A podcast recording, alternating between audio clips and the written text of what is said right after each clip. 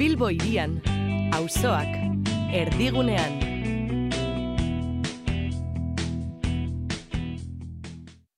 Eskerra, eskerra, ukabilkada. Lanaren ekonomia. Kutsadura informatiboari aurre eginez, ekonomia gaiak jorratzen eta ulertarazten duen saioa. Bilbo iria irratia, hor dago eta argia, elkarlanean. Lanaren munduko analizia. Lagunak egan, ametsak egan, izkinan bertan, usta bildu, eta berriz bueltan. Denbora gelditzea bagenu, don't stop. Amodi bagitari.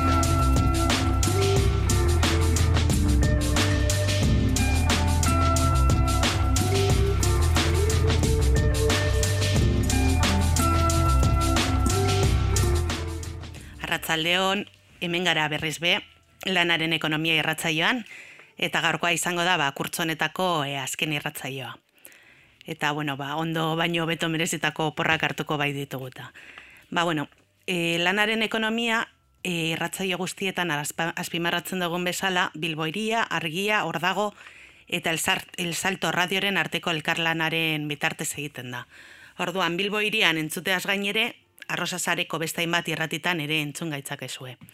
Betiko lez, sindikal agendarekin hasten gara, ekitze barrearen eskutik, orain, orain honetan ez dago platoan, beraz, ba, bueno, telefonoaren bestaldean izango dugu. Ondoren, sindikal agendaren ostean, elkarrezketen tartearekin jarraitzen dugu, lehenengo elkarrizketa izango da DSB-aren erreformari buruz, elkarrizketa egingo diola Mikel Alvarezek, beteluk, karta sozialeko Manu Martinezi. Ondoren, uda giroa murriltzen e, hasiakaren ez, ba, San, San Ferminen inguruan arituko gara nerea filatekin, eta txosnak indartzearen erronkaz Jon Bernard Zubirirekin. Guzti hau Mikel Albalet beteluk gidaturu, gidatuko du. Eta amaitzeko argiako kart, e, tartean zigorro labarria elkarrizketatuko dugu Mercedeseko grebaren arira. Eta honekin guztiarekin, e, ja, sindikal agendara pasako gara.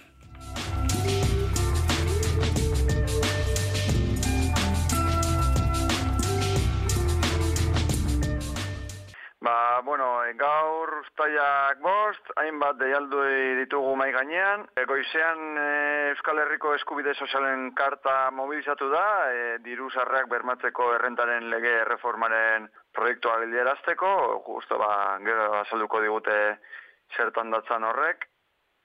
Ondoren, ba, bueno, betiko deialdia ja, e, Bizkaiko Nobaltia enpresako langileek kreban jarraitzen dute, mila eta irurogetan emeretzi garren egunez, itzormen duin baten alde. E, Bizkaian beti ere, Zabatamoko eta Seberioko vulkanizado sologa enpresako langileak ere greba mugabean daude, Irureun da iru eta amabi garren egunez hitzarmen duin baten alde. Beraz, oin dela gutxi urte bete bete, e, bete dute greban. Gero, ba, berangon, alkontza enpresan, irizar talderen parte dena, langilek greban daude ere, egun da hogeta sortzi garren egunez, iragarritako kaleratzen kontra. Eta Bilbora joan da, jaurlaritzako betion telelaguntza zerbitzuko langileek, ba ez dute lortu nahi zutena eta ustai osoan greban daude, orduan ustairen batean hasi ziren, eta bilatzen dutena batez ere da euren hitzarmena beste sektore soziosanitario batzuekin pare, parekatzea. Bilbon, berriro Bilbon, venerables sacerdotes residentziako langileek atzo bertan hasi zuten greba mugagabea, enpresak eta Eliz Barrutiak lanpostuak, zu- lanpostuak suntzitzeko asmoa dutelako. Eta Gipuzkora joan da, ondarribin, udaleko garbitzaileek maiatzaren amazortzean hasi zen greban, eta, bueno, abuztuaren hogeita maikara arte lusatzea erabaki dute. Eta Gipuzkoan jarraituz, e, tuneletako UTE mantenimiento instalaziones ITS-eko langilek, berra hogeita maika egun daramatate greba mugabean lan baldintza hobeen alde. E, uste gehiago direla, ez, be, bueno, berdin du. E, hori, greba mugagabean daude e, tuneletako langileak Gipu- Gipuzkoan. Gero bihar, ustaiak zazpi, araban, Mercedesen grebari eutziko diote langilek, soldata euro salmena mantenduko duen hitzarmenaren alde.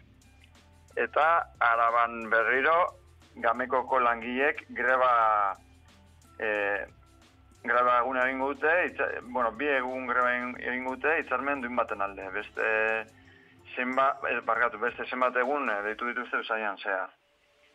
Etzi, e, ustaiak zazpi, Gipuzkoako estatu gintzak, hiru eguneko grebaldi hasiko du, hitzarmena eguneratu dezaten.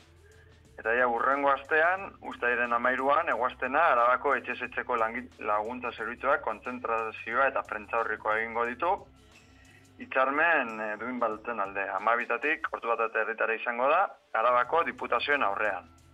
Eta, ah, ustaiaren amalauean, eguena, Arabako eskuarte sozialak, lau greba egun iragarri ditu, amalautik aurrera, negoziazioan aurrera, aurrera pausorik egon, e, e, ez, dagoen ez dagoen bitartean. Eta Gipuzkoan, helduen egoitzan, greba egingo dute, eta, bueno, e, baita ustaren amabostean, urrengo gunean, itxarmen duin baten alde. Eta horiek dira, e, bueno, dauden deialdi edo greba. Gehiago dira grebak, zeia deialdi sozialak eta ba, gero eta gutxiago daude, oporra zenez, imaginatzen dugu. Baina, bueno, horiek dira martzen dauden e, ba, grebak eta gatazkak. Bera, zorixe.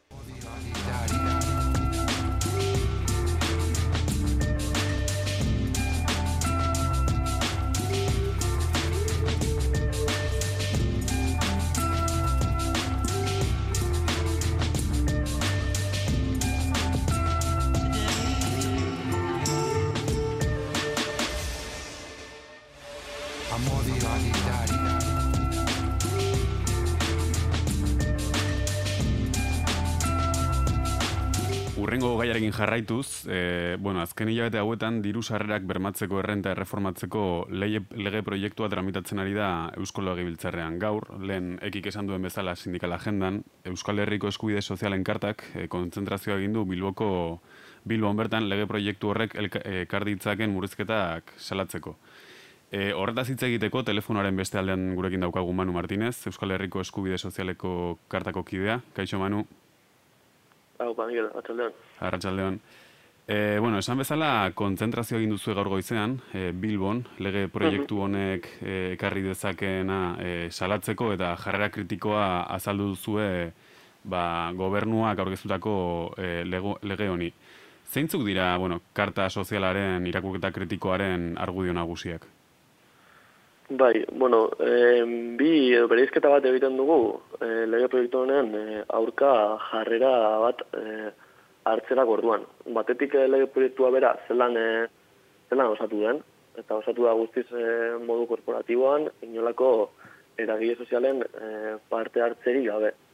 Orduan bizkat e, prozesuan eta legearen e, osaketan, e, bueno, nahiko diskrepantzia eduki ditugu, uste dugurako, ba, bueno, orionez, e, Euskal Herrian ba ditugula zenbait eta gile sozial, ba horrelako gaietan e, buru belarri urte osoan zehar lanean dabiltzanak eta horrelako tankerako legeak, ba bueno, ba horrelako eragile sozialekin e, landu bar direla. Orduan apur bat kritika badator e, lege proiektuaren osaeraren e, prozesu horretatik.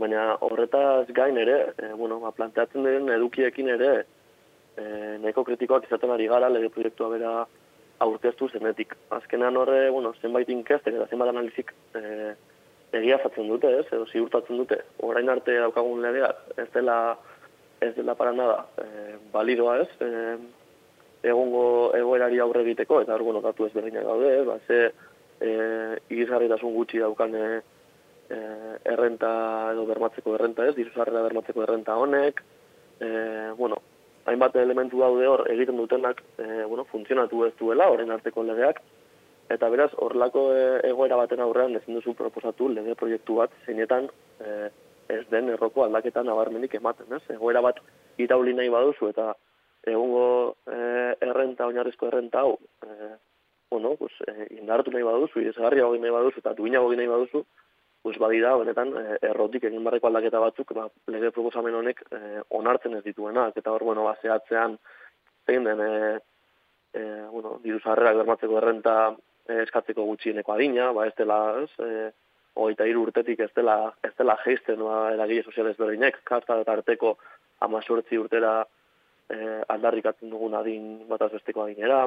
Ez duela e, lanbide, bueno, lanbide arteko e, gutxieneko zelatarekin bataz bestean e, proportzioan lan egiten, gero eta zailagoa dela, eta gero eta baldintza e, zorrotzagoak eta kontrolatzaileagoak, punitibistagoak e, ezartzen dituela, e, bueno, e, sarrera edo diru sarrera hau eskatzeak orduan. Orduan hor daude zenbait elementu e, ez dutena albideratuko, edo horrela egiten ditugu e, apur bat analiziak, ez dutena albideratuko hobekuntza bat egun dagoen, indarrean dagoen legearen aurrean.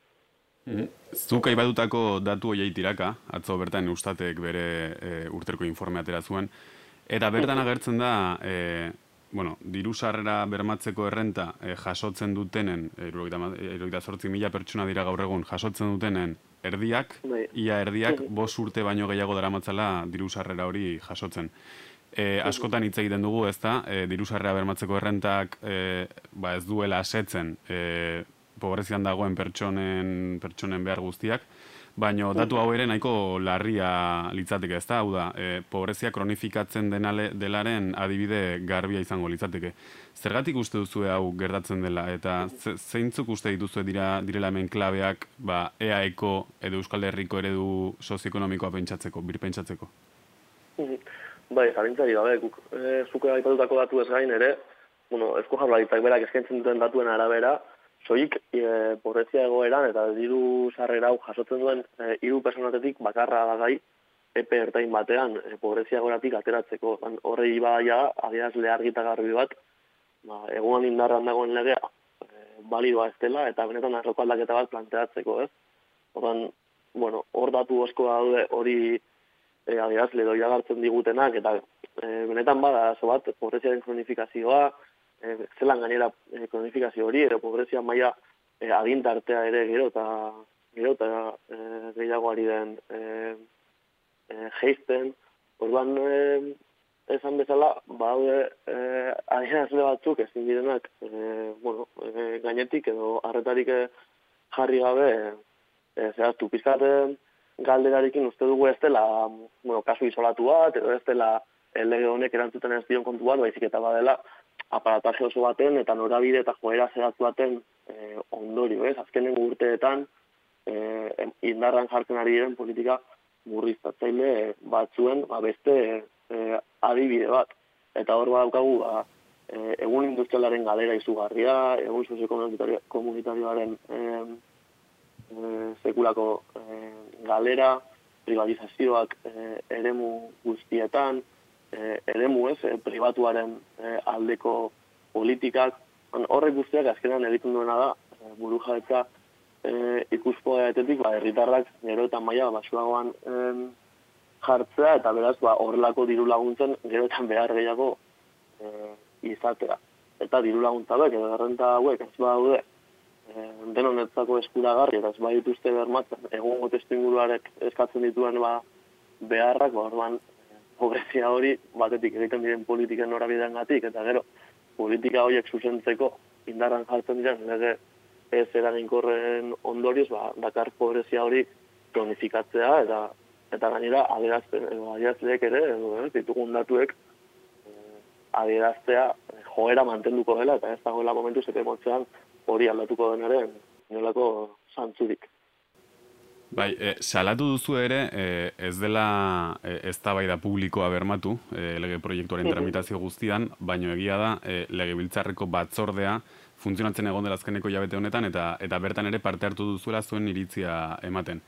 E, hala ere, e, badirudi lege biltzarreko oposizioko alderdi politikoak e, negoziatzeko presta gertu direla, eta gobernuarekin akordioak erdiesteko borondatea behintzat e, izan badutela. E, izan duzu e, inolako harremanik e, alderdi hoiekin edo elkarrizketarik izan duzu? Ba, kartaren izenean ez. E, bueno, karta azkenean e, maia ezberdineko eta leku ezberdinetako eragile sozial eta sindikaleke osatzen dugu eta egia da gero eragile bakoitzak e, bai izan duela hartu eman ezberdina eragilearen ba, tipologia eta jardunaren e, araberakoa baina bai e, bueno, guk agarraldia ginen nuen duela azte batzuk eskolege biltzarrean, fiskat e, orain nahiazitako e, kritika, ba, alderdi politikoi ere e, egiteko helburuarekin eta ala ginen nuen, baina ez dugu beste mota bateko e, hartu emanik izan. Esan bezala, karta barruan e, dauden eragile sindikal eta sozial batzuek bai, baina guk kartaren izenan ez. eta gainera iruditzen zaigu harrigarria zeren e, kartak badauka e, gai honekiko, bai lanketa publiko bat, pues, gaur e, Bilbon erakutsi den bezala, baina bai ere proposamen ezberdinak, herri ekimen legegile forman egin zirenak duela urte batzuk, eta entzungo egin zaienak, eta ez bertan jasotzen diren e, aldarrikapen eta eskaerak e, lege proiektu nagu eraikitzelako orduan, e, bueno, ba, kontemplatu. Hmm. E, salaketa kanpainak egin dira, e, herri ekimen legegilaren martxan jarri zenuten, e, eta karta osatzen duten eragile ezberdinek ere badute baldintzari gabeko renta unibertsalen aldeko jarrera, jarrera argi bat, eta horren inguruko herri ekimen legegila ere berriki e, egin dute. E, proposamen horrek badauka zuen ustez nolabaiteko bilbide bat pobreziago ere aurre egiteko, edo ze potentziali izan dezake?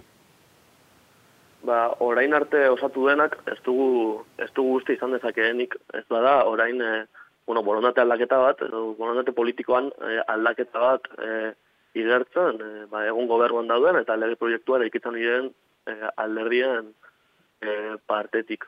Uste dugu, e, esan bezala, orain aurkeztu den lege proiektuan, ezin dugula, e, esan bezala, inolako e, esperantzidik izan, eta jarraituko badugu ere, e, aldarrikapenak egiten, eta bertan e, eragiten saiatzen ez duela e, rekorri handirik izango, da behintzat legeek izan barko luketen, bizi baldintza materialen e, hobekuntza ikuspegi batetik ez diguela eskiniko bermenik.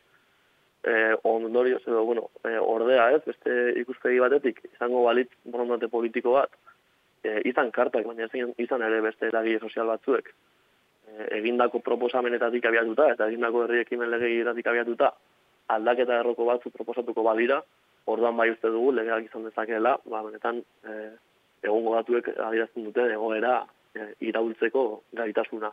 Baina horretarako, ba, behar da behondate politikoa eta behar da benetan e, begira da aldatu. Eta elkarrizketarekin amaitzeko egia da orain udan sartuko garela eta mobilizazioak egiteko nahiko garai zaila dela, baino plantatzen dituzu hemendik aurrera ekimen edo mobilizaziorik e, lege proiektuari aurre egiteko? ba, momentu zepe motzean ez daukagu agendan beste gaurko bezalako edo bestelako e, deialdirik. Egia da oso gertutik jarraituko dugula lege proiektuaren e, e, garapena eta eta honek plantatuko dituen aldaketak edo, aldaketarik eta zorritxarrez eta bai aurre ikuspena da kurtsuan batera eta bueno, aurre kontuen e, ez da batera eta berriro heltzea gaiari.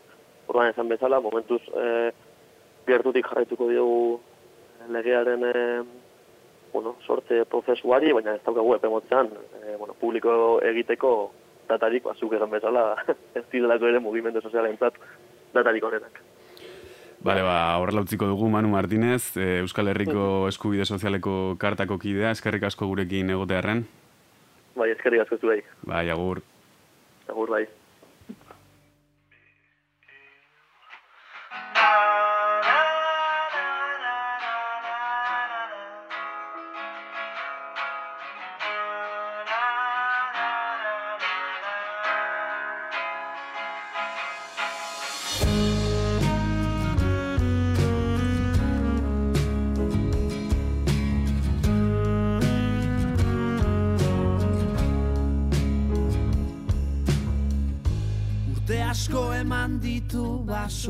Zaintzen.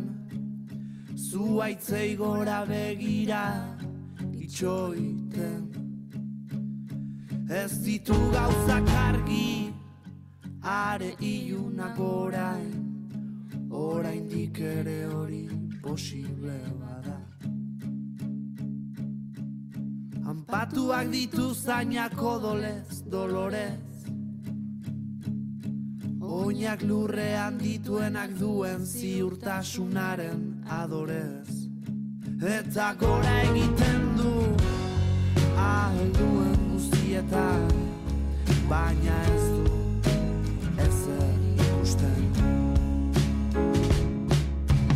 Empatia basoa mozten hasi da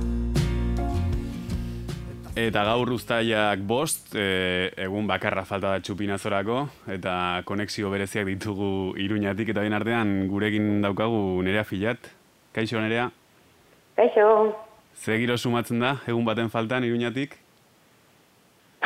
ba, bueno, eromena. Egia esateko, bueno, nire kasuan behintzat, e, justu orain bukatu dugu e, San Ferminak prestatzeko azken asamblada, tatakraken, eta eta bueno, ba, goizan goizetik lanean, dena desmontatzen, e, jantoki erraldoa bat montatzen, eta, bueno, kriston giroa dago bai. e, bueno, bi urte pasa dira San Ferminak egin gabe, e, antzeko tasuni badauka, e, bueno, aurtengo San Ferminak, e, orain dela irurteko San Ferminekin? Bueno, nik esanen nuke, e, gauza asko daude, ez? Hortaz, horretaz aritzeko. E, somatzen da jendeak oroar baduela ikaragarrizko gogoa topaketa kolektiborako, hori bai e, grina hori toki guztietan e, sumatza. Bestalde, e, esanen nuke, ba, ez dakit, ez, transiziotik kasi, esparru sozial gutxien dituen Sanferminak izanen direla hauek, ez baitago e, ez txosnarik, ez baraka politikorik, edo nahi duzun bezala izendatu ez, ez da ez baitago alakorik. E, urtean zehar, antolatuta mantentzen garen esparrua bat bakarrik e, izanen dituzte, izanen dute, bueno, ba, pizkat urteko ez, eta alde sozialen jarraipen bat. E, eta nolabait, orokorren izan nuke, badagola zentzazio bat, e, ba, gure festek aldaketa bat behar dutela, baina bi urte hauetan, ba, igual, ba, ez ez dugula probestu ez, e, ba, buruari eragiteko, ez da eusteko, eta eta igual pendiente eteko lan horiek egiteko. Eta, bueno, ba oso sentzazio ezberdinak ditugu, ez? Naiz eta bai esan, ba, festarako ikaragarrizko gogoa sentitzen dela irian, baina, baina, bueno, ez dira betiko ezberdinak, ez? Eh, bueno, egia da, eh, bolo-bolo da bilela behintzat txosnen edo jaire duaren inguruko ez da bai da, eh, ez bakarrik Nafarroan, baizik eta Euskal Herria guztian, Eta bueno, gaur egun arte biz izan dugun ereduak e, erantzun dieza jokeagian belaunaldi bati edo ziklo politiko konkretu bati hori Euskal Herria mailan. Baino egia da iruñan ere nolabait e, ziklo horrek edo, edo eredu horrek ezagarri propioak izan dituela ez, eta horren adibide garbia da aurten adibidez, esan duzun bezala, San Ferminera e, txosnak barkatu ez direla, ez direla montatuko orduan. Ze hausnarketa egingo zenuke, ez? Apur bat, marko oroko horretatik abiatuta, Euskal Herriko marko oroko horretatik abiatuta, agorpen batetik behintzat abiatuta, e, Iruñako kasu konkretukura joan ez, nola ikusten duzu gai hau? Mm, nik uste dut, e, oso nabaria dela pandemia, pandemia kutsi duen e, antolakuntza kolektiborako krisia, edo pandemia kutsi duen ondorioa orain jasaten ari garela. Ze azkenean, e, nolabait talde sozialek, mugimendu sozialek, izan dut nahi duzun bezarla. Haiek indarrik izan ez izatea, e, esparru bat defendatzeko, esparru baten alde borrokatzeko, eta esparru bat sortzeko, ahuldade baten seinale ere bada. Orduan, nik uste dut lotxarik izan ez dugula, horrelako gauzak ere izan datzeko gure iria oso momentu haulean dagola, e, mugimendu sozialen begiradari eusten balima diogu. Eta ez da bakarrik e, e, jaigune, ez? Edo izan datu nahi duzun bezala, ze tradizio mm politikoaren araberako izan da pena izaten da hori, ez? Baina ez da horren falta bakarrik. E, aurten, adibidez, e, Paris 365, iru zei bostek, ez du ere esparrurik ireki, edo hainbat okitan, e, ez alarma alarma deialdian egon bada jendea jenderik egon ez delako ba bolondres edo militantzia modu militantean lan egiteko edo edo dena delakoa eta zanen nuke auldadea dela baina ez da jai eredua kaskenean edo jaiek jasaten dute pues, pues beste zerbaiten on, e, beste zerbaiten ondorio dira ez beste osea jaietan gertatzen dena nolabaiteko sintoma bat dira ez dira bakarrik jaiak orduan ba, ba nik uste du, ba, mm, ba ez da erako momentua dela ere bai. E, antolakuntza, e, lan politikoa eta eta horrengo hildoen inguruan aritzeko ere bai. Bai, hor badago nolabaiteko kontra esan bat, ez? E, lehen esan duzu e, sekulako gogoak dituela jendarteak kaleak hartzeko, e, publikoa dena berriro ere berreuskuratzeko, e, guztion artean e, jaia egiteko, eta hori e, horrela ikusita e, termino progresistetan edo termino positiboetan bideratu beharko litzateke, baino egia da ere nolabaiteko antolakuntza falta horrek edo alternatiba falta horrek e, arrisku hau bat uzten duela mai gainean eta da nolabaiteko jai giro horrek edo edo kaleak hartzeko berreskuratzeko e, ba, grin horrek e, modu erreaktiboan ere e, ba, bideak ireki, ireki ditzakela eta hor dauzkago adibidez eraso matxista guztien ugariketa kasu arrazista guztien ere ba, nolabaiteko ugariketa nola ikusten duzu gai hori? Uste duzu horrelako fenomenoak areagotuko direla San Fermin hauetan edo, edo uda guztian zare egongo diren jaietan? Ba, nik esan nuke hori txarre trata itekela, eta nire trata aurten, nire hau bai pertsonalki, eh, baina horrein adibidez hitz egin dugu duela oso gutxi, E, nik beldurra handien dio dana Sanferin honetan, da, bordizkeria, baina orokorrari ez. Kaleko ba, kuadrigin arteko bronkei biren horri diot beldurra handiagoa, bordizkeri mota horri, e, bestei ba, baino, ez, nola baita esaterren, bueno, jarri dago eraso sexista gertatzen dira, o, dudarik ez, eta zan dut, baina beste gauza bat, bat ez, e, ari gara, ez? eta eta nolabait bortizkeriaren zabalketa batez. Eta eta zanen nuke ba hor parte hartzea, hori gelditzea, hori etetea, e, ba, oso zaila dela kode horiek ba manejatzen ez dituzu modu batean eta eta hori e, ba horren beldur e, beldurra badagola esango esango esango nuke argi e, argi eta garbi. Gero e, len, e, galeraren hasieran komentatzen zenidan ez e, nola ze kontra esan korra denez, esparru publikoaren beharra, baina baina indarreza, ez? Edo, edo, edo o behar horren beste bideraketa bat e, askatzailea ez dena, ez? Nola baita esaterran. Eta ikusi, e, iruinen aurten oso oza, paradigmatikoa gertatu da zoritxarrez, eta bada, e, ez dugula nola baiteko gizarte mugimenduek ez dutela esparru, jai, jai esparru bat antolatu, baina udalak eta alkatetzak e, gaztelu plazaren erdian amar, amar barra montatu dituela, eh? Eta gitorren gainean jarraitzen duzuen, kriston ez da egon da, baina ezkenean gaztelu plazaren zati handi bat, taberna bat bilakatu da, eh? Orduan, eta ez da ez gertatu. Eta dena posible egin da. Norbait ez dugu indarrik izan, olako, olako neurri e, ero bat, ero bat, e, eteteko, ez? eta eta ta bueno, hori hau dira eh momentu betako paradoxak, esan nuke. Bai, uste dut hori, bueno, Iruña bakarrik ez beste hiriburuetan ere bizi izango dugula. Eh, elkarrizketarekin amaitzeko, eh, puntu positibo batekin amaitzeko behintzat, eh, nola gustatuko litzaioken era filati hemendik eta bost urterako Sanferminak izatea. Eh, lehentasunik jarriko bazenu, zein izango litzanteke lehentasuna mugimendu sozialentzat edo edo jendarte antolatuarentzat?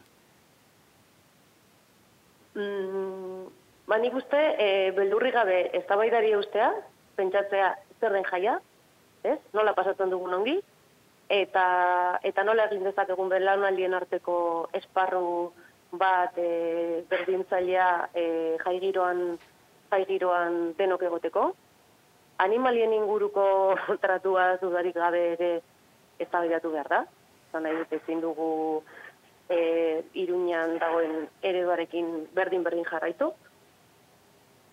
Uste dut alkolaz hitz egin behar dela, uste dut gauaz hitz egin behar dela, e, baina modu batean ere amestu behar dugula, ez? Eta, eta lan egin behar dugula gurea dena ba, berpentsatu eta berrasmatzeko eta azkenean Sanferminek e, zentu osoa dute hiri honetarako honetzat. Eta eta oraindik ere, pues bada hor defendatu eta zerren alde borrokatu. Ba, espero, espero dugu 2008ko San Fermina gorretatik urbilago behintzat egotea. E, eskerrik asko nerea eta animo biharko lan guztiarekin eta hartu ere disfrutatzeko tarte bat. Bai, ala izanen da, eskerrik asko. Bueno, agur. Agur.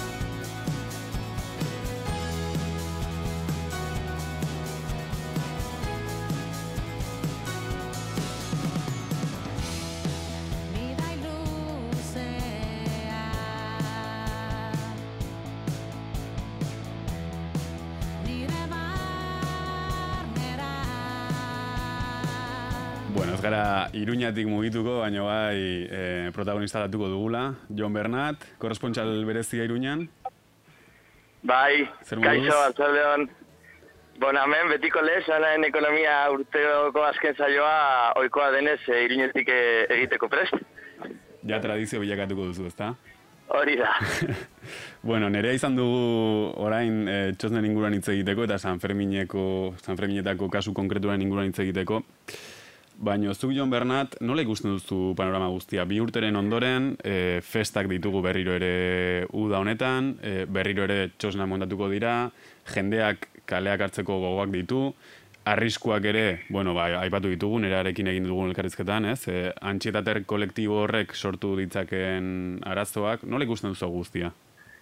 Bueno, e, gaur e, nerea filatek e, hor dagon publikatu duen e, artikulua izan da azken urteetan e, argitaratu ditugun serie baten e, azkena, ez? E, bai e, 2008an, bai 2008 batean, ba, bai San Ferminetatik, bai herriko jaietatik, ba, hausnarketa bat e, egiten saiatu gara, ba, jaie, txosne egunen inguruan, ez? Eta hasieratik 2008an e, plazaratu genuen e, hausnarketa bat, e, nola pandemia egoera ba, leku itxien eta eta ba, betiko tabernen eta betiko diskoteken eta horrelako leku oza, ate itxia duten lekuetatik ba, aldentzeko beharra e, inposatzen zuenean, ba, e, era egokiena sala kalea berreskuratzea eta lekua hartzea e, naiz eta herriko jaiak esan ez egin, ba, ezakit, programazio kulturala, e, kalean topatzeko beharra, eta hori nik uste dut izan dela, e, azken bi urte hauetan, e, eukin dugun gabezi bat, ez? Baita, baita, baita ere,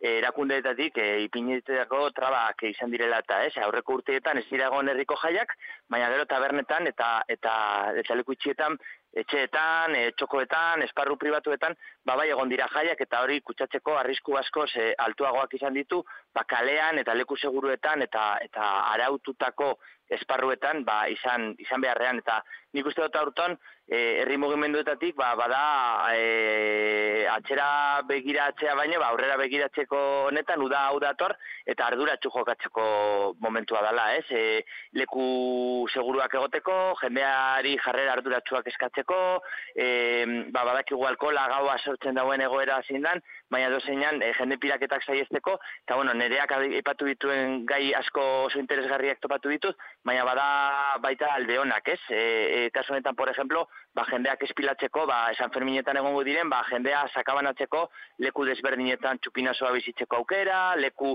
e, nik uste dut importantea dela, jendea sakabanatzea, eta ez egotea beti erdigunera begirako jaiak, baizik, eta, bueno, gero eta e, leku desentralizat, era desentralizatu batean jaiak antolatzeko, eta baita kalea berreskuratzeko beharra.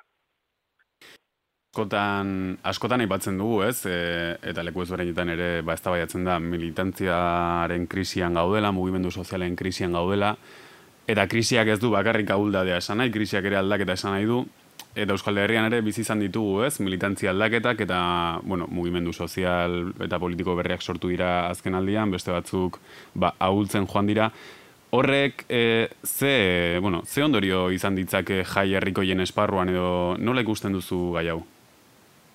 Ba, renovarse morir esaten dana gazteleraz, ez? Nik uste dute oso egokia izan direla, oso egokiak izan direla, nirea filatek egindako hausnarketak, batez ere, hori, ba, eredu tradizional baten e, gabeziak e, ba, irakazpen moduan hartu, eta ba, era berritu batean, ba, jai herrikoiei heltzeko beharra, ez? Eta honetan historikoki barraka politikoak berak esaten duen moduan, e, elkarrizketan azkena ez dutxu esan, baina e, bere artikulan bai esaten du e, historikoki e, mugimendu politiko eta sozialak izan dira jai ereduaren edo jai herrikoien antolatzaile gisa, ez? E, Bilboko aste nagusiko Bilboko konpartzak nik uste direla horren adibide ba sendoena, indartsuena, baina baita bere aulieziak e, dituena kasu honetan adibidez aurton, ba, ba, ba zenbait konpartza historikoak ez direla egongo Bilboko jaietan, ez?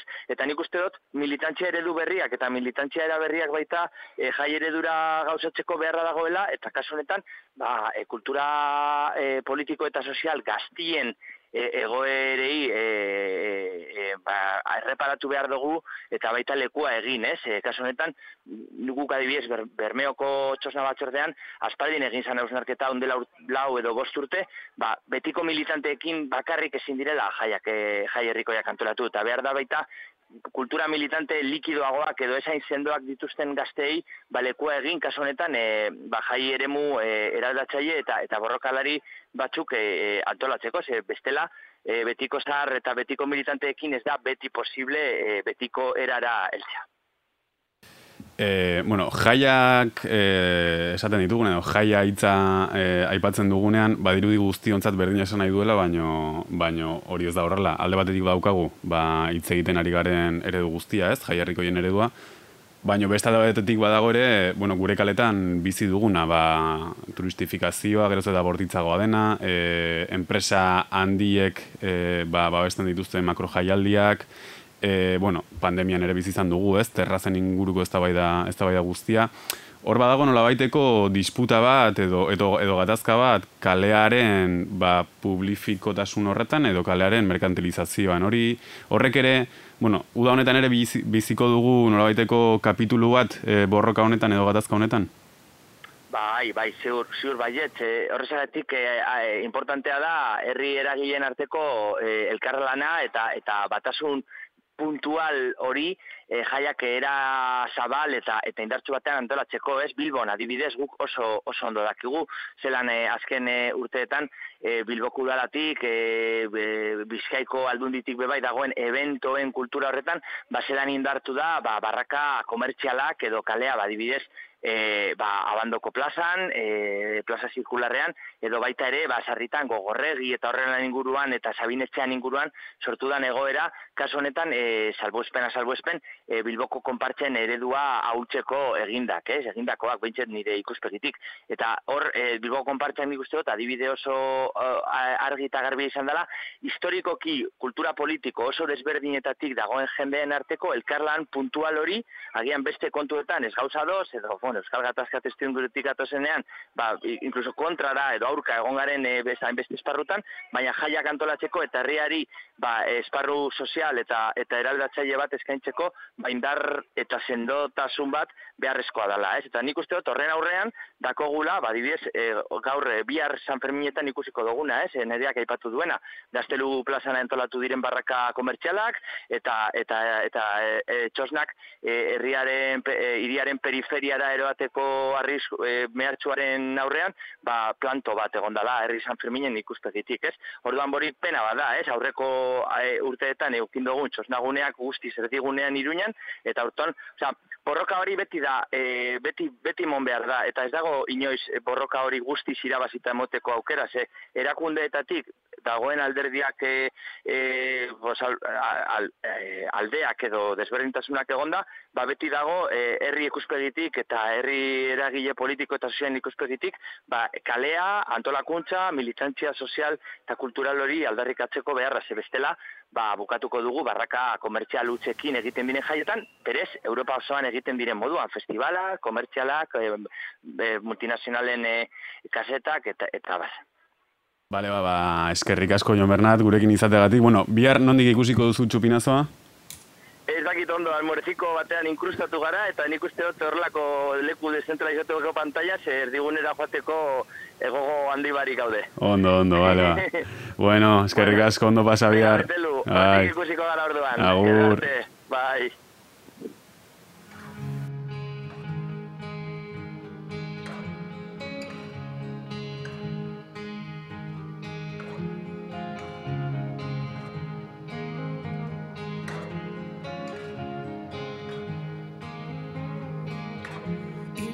Izango ezaren Naren borrota onartzen. Inoiz izan zaren aren Itzalarekin amesten. Orain arte izan zaren Guztian kasgorra jartzen. Sinetxitako usteak Usteltzen usten ikasten Zaino esan mestu eta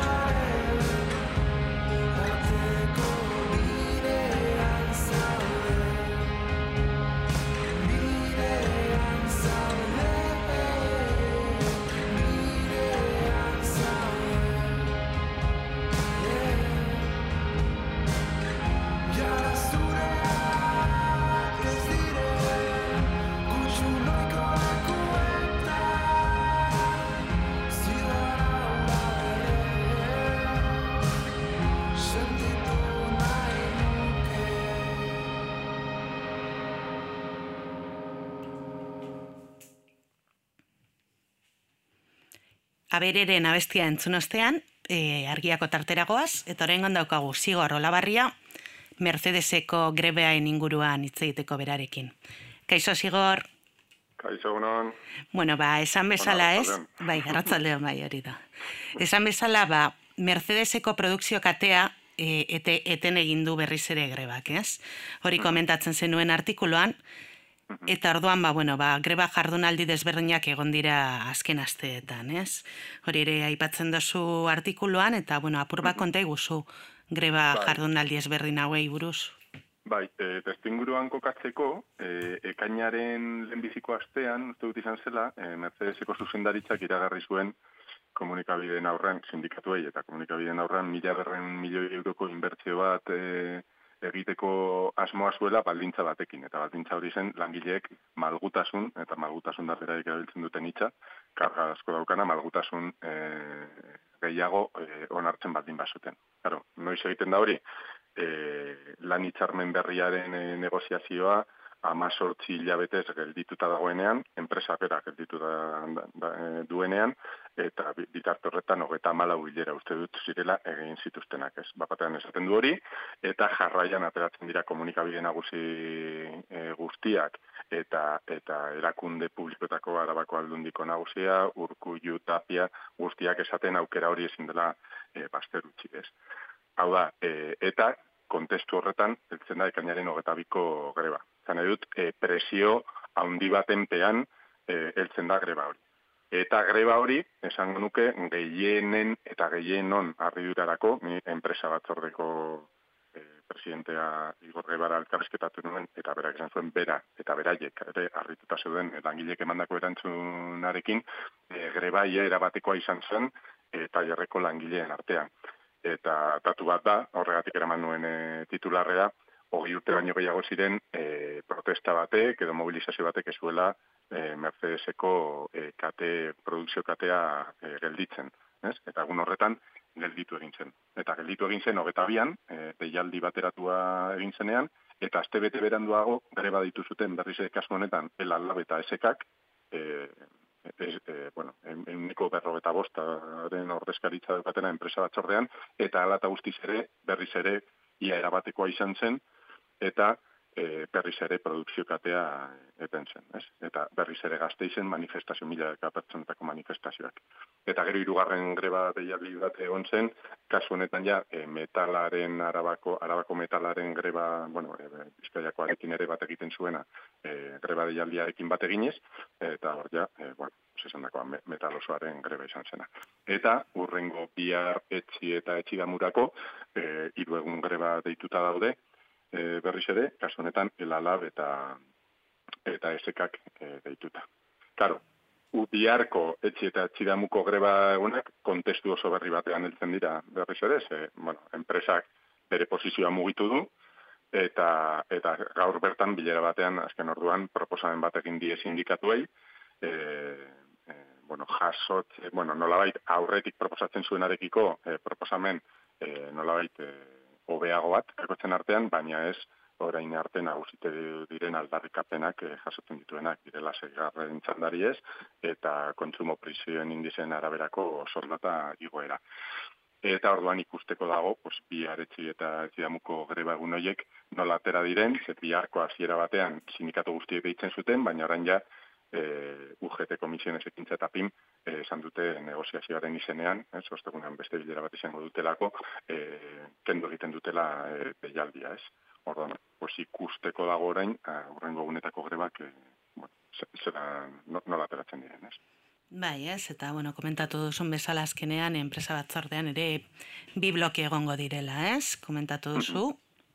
Bai, hasiera bati batetik zeuden, ez? Eh, Esan dute hogeta biko deialdia bateratua izan zen, baina lizkarrak, bueno, historikoak ere badira, mm, esango nuke, eta kasu honetan ere e, ikusi dira, ez? Batetik daude ELA Lab eta SK, nola baite prozesu guzti honetan, eh, azkenengo hilabete honekoetakoan eh, eskutik doazenak, eta gero eskutik doaz ere, eh, UGT, komisiones, eh, ekintza eta PIM, daukatela, lehen esan dute lala eta esekak euneko berro eta bosta, ordezkaritza, eta, eta beste laurek euneko berro eta mausta da, gehiengoa dira. Baina hori interesgarria da ikustea, ez, eh, gero, eh, bueno, sindikatuen ordezkaritza zarago, eh, langileak non dauden, ez? Eta, mm, eta hori ikusi adibidez, e, UGT komi, eta komisionesek batez ere giratzen duten bloke horri bere posizioetatik mugitu behar izan duela e, langileen gehiengoak elalab eta segak defenditzen dituen posizioetatik gertuago behintzat egon direlako. Eta e, adibidez, e, hogeta beratziko greba elalab eta segak ditu zuten, eta azken momentuan, baina uste dut, egun berean bertan, azkenean batu egin ziren deialdira, argi eta garbi ikusten zutelako, geldituko zirelako, nolabait e, langileen begietara, borroka eskematika e, kanpora ez. Eta ikusteko da orain, langilek ze erantzun daukaten, ze, honek itxura guztia dauka, bueno, pues tempus hauek oso prestatutak zeudela, gaur bilera bat deituta. Zuzendaritzak, orain dela biegun, esan dut lehen lan indarrak nola, e, osea, e, edo e, indar harremanak nola eraldatu diren, orain dela bi aste esan zin sindikatu ezela berriz beraiekin bilduko, greba deialdiak eta e, kentzen ez dituzten bitartean. Eta hitz hori jan, eta gaur bilera egin dute. Zergatik indar harremanak, e, grebek erakutsi dutelako indar harremanak uste zutena, baino, baino beste begarriagoak zirela langileen alde. Baina mugitu du, e, mugitu da bere posiziotik, egin du pro, e, prozesu bat, e, bueno, eta sindikatuako berriz ere banatzea lortu du, ez? Orduan, bueno, zentzu horretan, interesgarria da gertatzen ari dira, indar harremanen bilakara ikusteko, borrokaren balioa ikusteko, borrokaren mugak ikusteko, baina bai zuzendaritza eta langileen artean ikuste dut, bai zuzendaritza, e, osea, bai langileen eta erakunde publikoen artean lerratu direra zuzendaritzarekin erabat, baina gero ere pizkatu bat atzera egin dute ikusita langileen erantzuna, baina baita ere langileen artean barruan, e, sindikatuen artean, eta sindikatu eta kanpora, ez, asamblada orokor bat deitu zuten elalabetasek eta horrek eh, hortik atera dira hiru greba e, deialdi, ez? Sindikatu proposatuta, baina asamblada orokor batek deituta, nora adibidez azken orduan joatela erabaki zuen komisiones obreras, ez? Orduan, bueno, nietzako oso, oso, bueno, prozesu interesgarria izaten ari dira, ari dira, bueno, alde, alde askotatik. Mhm. Bale, ba, ba, zigor, ezkerrek asko, azkenean greba prozesu e, guztionei buruz hitz egitearen. Ba, eskerrik asko zuei. Bale, ba, urrengo arte. Arte.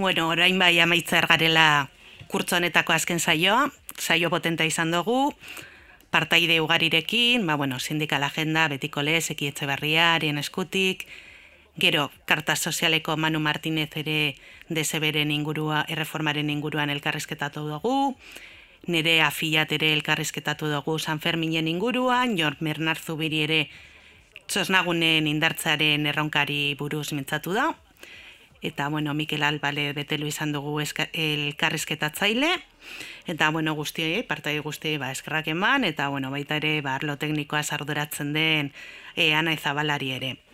Eta orain bai, e, oporrak hartzera goazela, eta irailean itzuliko garela, ba, bueno, energiarekin topera, Eta esan behar dugu ere, datorren e, kurtzoan, e, gure irratzaioaren ungarren saioa izango dugula, eta, bueno, ospatzeko gogotzu gabiltzala. Bueno, uda ona izan, eta irailera arte. Agur. Lanaren ekonomia. Kutsadura informatiboari aurre eginez, ekonomia gaiak jorratzen eta ulertarazten duen saioa. Bilbo iria irratia, hor dago eta argia, elkarlanean. Lanaren munduko analizia. Lagunak egan, ametsak egan, izkinan bertan, usta bildu, eta berriz bueltan. Denbora gelditzea bagenu, don't stop.